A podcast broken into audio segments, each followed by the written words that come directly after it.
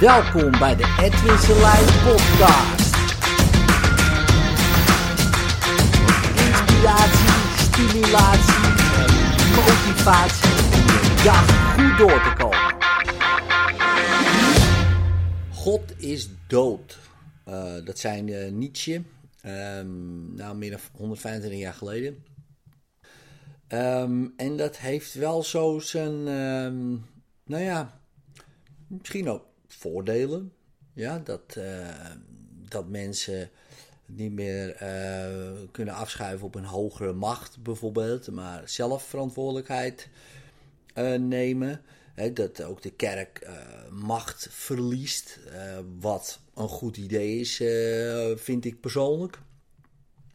maar het heeft ook nadelen. Um, want acht op de tien mensen in de wereld zijn nog steeds verbonden aan een religieuze uh, groep of groepering. En dat heeft zo zijn voordelen. En uh, ik las een stukje in de, in de, in de Volkskrant daarover. Uh, de voordelen die dat, die dat heeft. Um, en als eerste, religie maakt gelukkiger. Dus het geloven in iets maakt gelukkiger. Um, er was een onderzoek geweest, 455.000 mensen uit 150 landen um, werd gevraagd naar hun geluksgevoelens. En, um, en wat bleek, gelovige mensen zijn gelukkiger dan niet-gelovige mensen. En het is best wel een, een flinke steekproef, hè? Dus, uh, zou je zeggen. En het maakt niet uit wat ze geloven. Hè? Dus of je nou uh, katholiek bent, christen dan, uh, boeddhist, moslim. Maakt, um, maakt allemaal niet uit. Um, mensen zijn gelukkiger. Maar, en dat is wel interessant, um, daar zit een kleine kanttekening bij. Uh, dat zeg maar in Nederland maakt het weer niet uit. Dus als je heel arm bent, dan maakt uh, en, en honger hebt en dat soort dingen, dan maakt geloven je gelukkiger. Maar als het allemaal ja, eigenlijk prima is, dan maakt het heel weinig verschil. En um, ja, en dat is ook wel interessant dan. Dus um, als, je, als, je het, uh, als je het dan zo bekijkt.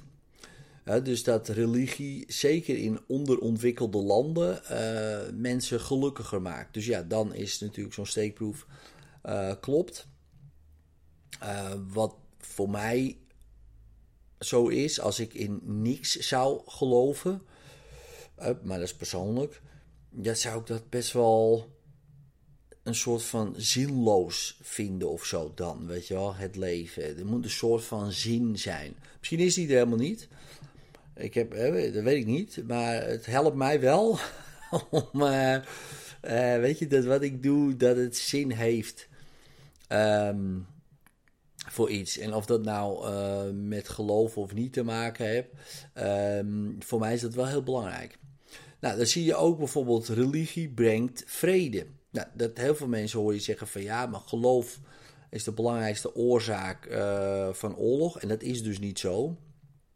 Want in 2013 van de 35 gewapende conflicten uh, was 14 gevallen um, als een van de oorzaken geloof, maar nooit als enige oorzaak.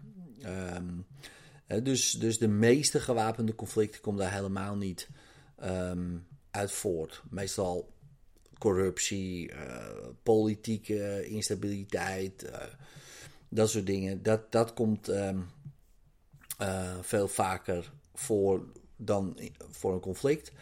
En als je kijkt naar het meest atheïstische land, Noord-Korea, nou, dan uh, kan je daar ook wel wat van vinden. Dus, uh, dus dat zegt bijna al genoeg. Nou, religie is goed voor de economie. Um, schijnt, uh, dus als je gelooft in de hemel, hel en leven na de dood. Dat zijn goede voorspellers van economische groei. Aldus, Barrow en McCleary in 2009. Um, ehm, als het geloof in hemel en hel toeneemt in ontwikkelde landen, ontwikkelende landen, neemt de economische groei Dus nou, ook daar hè, is een voordeel uh, in te vinden. Ja, en zo zie je, en, en uh, ook nog een groot voordeel, uh, religie houdt je gezond. Al dus ook onderzoekers, um, Amerikaanse onderzoekers schreven dat in het vakblad Journal of Personality and Social Psychology. Um, als je vaker aan God denkt, dan helpt dat junkfood te weerstaan. dus, dat vond ik wel, dit zie je bij de McDrive staan, weet je wel.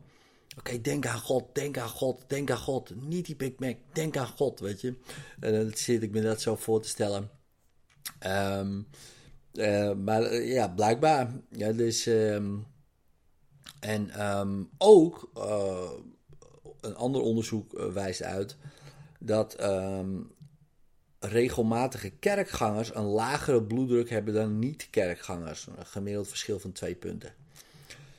Nou, dus um, het is een interessant idee. Hè? Dus, um, hè, dus wat, wat ook een. Uh, um, sommige andere onderzoekers zeggen: ja, religie kan een bepaalde preventieve uitwerking hebben. Ja, doordat je het misschien toch een beetje. Ja, God uh, goed wil doen voor God of zo. Um, ja, ga je toch wat gezonder leven, misschien minder drinken, uh, ja, minder stress. En, en ook natuurlijk de sociale bijeenkomsten, dus allemaal gelijkgestemden, helpt ook om stress te verlagen. Um, dus ja, al met al heeft het natuurlijk zijn voordelen. En de wetenschap heeft eigenlijk dat voordeel wel een beetje kapot gemaakt uh, door te bewijzen hè, dat God ja, een soort hallucinaties van het brein. Nou, daar kan je het wel of niet mee eens zijn. Ik ben het daar bijvoorbeeld niet mee eens. Hè, dus nou, dat kan ik gewoon geloven.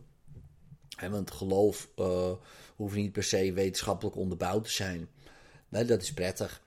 Maar als je dat uh, allemaal uh, leest, ja, voor mij ja, werkt het niet mee in mijn leven, zeg maar. dus ik geloof ook allerlei dingen. Um, en ik put mijn uh, geloof ook niet per se uit God of zo. Dat er een God is, een of andere personificatie. Uh, die dan neerkijkt vanaf een wolk en die zegt: Jij bent goed, jij bent niet goed. Dat, dat geloof ik niet. Um, maar wel dat, zeg maar, ja, dat het zin heeft, zeg maar. Hè? Dat, dat, dat je hier bent om een reden. Um, dat je een soort van groei doormaakt. Dat, uh, dat het een soort. Ja, ik zie het tegenwoordig als een soort uh, game. Hè? Dus uh, dat je eigenlijk jouw karakter, wat je nu doet, speelt ergens. En waar dat ergens is, weet ik niet. En, en steeds leveltjes moet, moet ja, doorkomen eigenlijk. En af en toe heb je een eindbaas die je moet verslaan. En dan kan je 30 jaar mee bezig zijn, bij wijze van spreken. En dan kom je weer bij de volgende problemen en levels en dat soort dingen. En uh, zo zie ik dat een beetje. Nou, dat kan ik geloven. En dan heb ik natuurlijk bewijs voor wat ik vind in de kwantumfysica of de theoretische uh, fysici die zeggen ja, het universum is een hologram of een afspiegeling van een achtste dimensie, een soort schaduwwerkelijkheid. Anders zeg je inderdaad een hologram, dat is opgebouwd uit allemaal informatie, uit bits.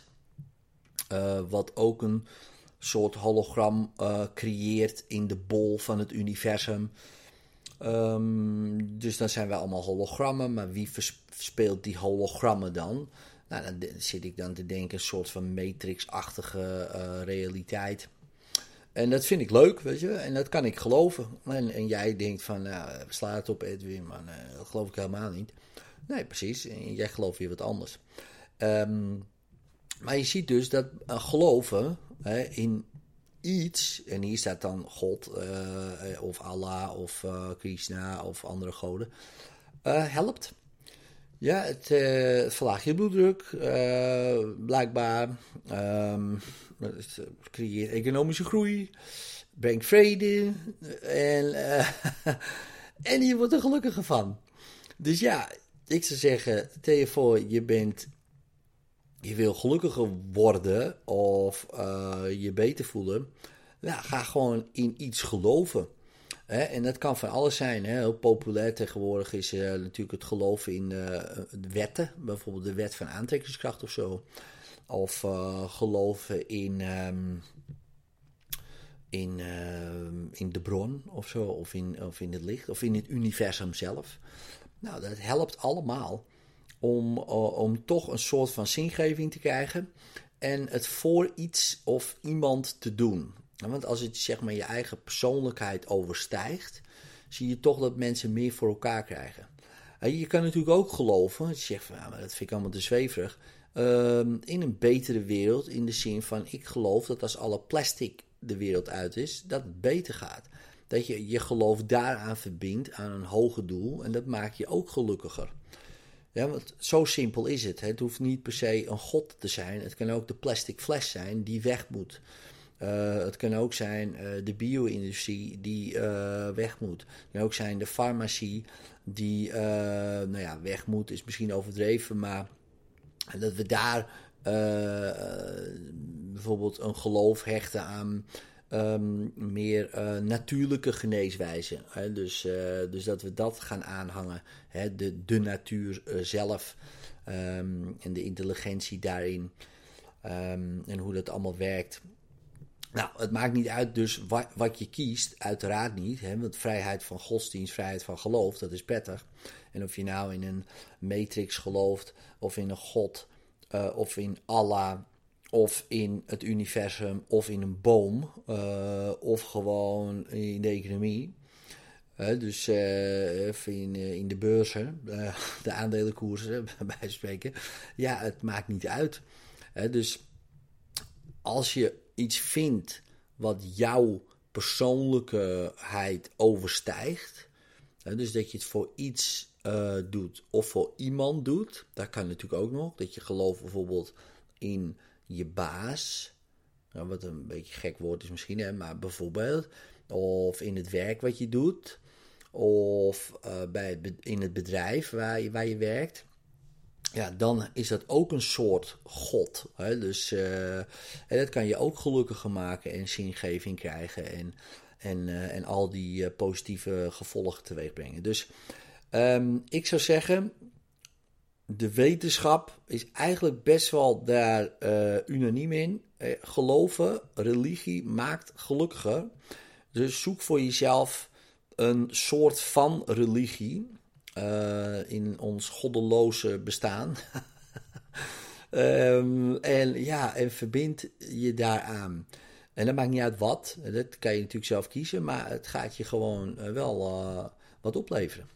Dus nou, wat je ermee doet met deze inzichten die ik las in de Volkshand uit alweer een tijdje terug, 2014 um, dacht ik van, hé, hey, dit is wel interessant. Um, doe er je voordeel mee. En um, nou ja, als hij maar één puntje geluk erbij scoren, bij spreken, voor je beleving, is dat natuurlijk al top. Succes!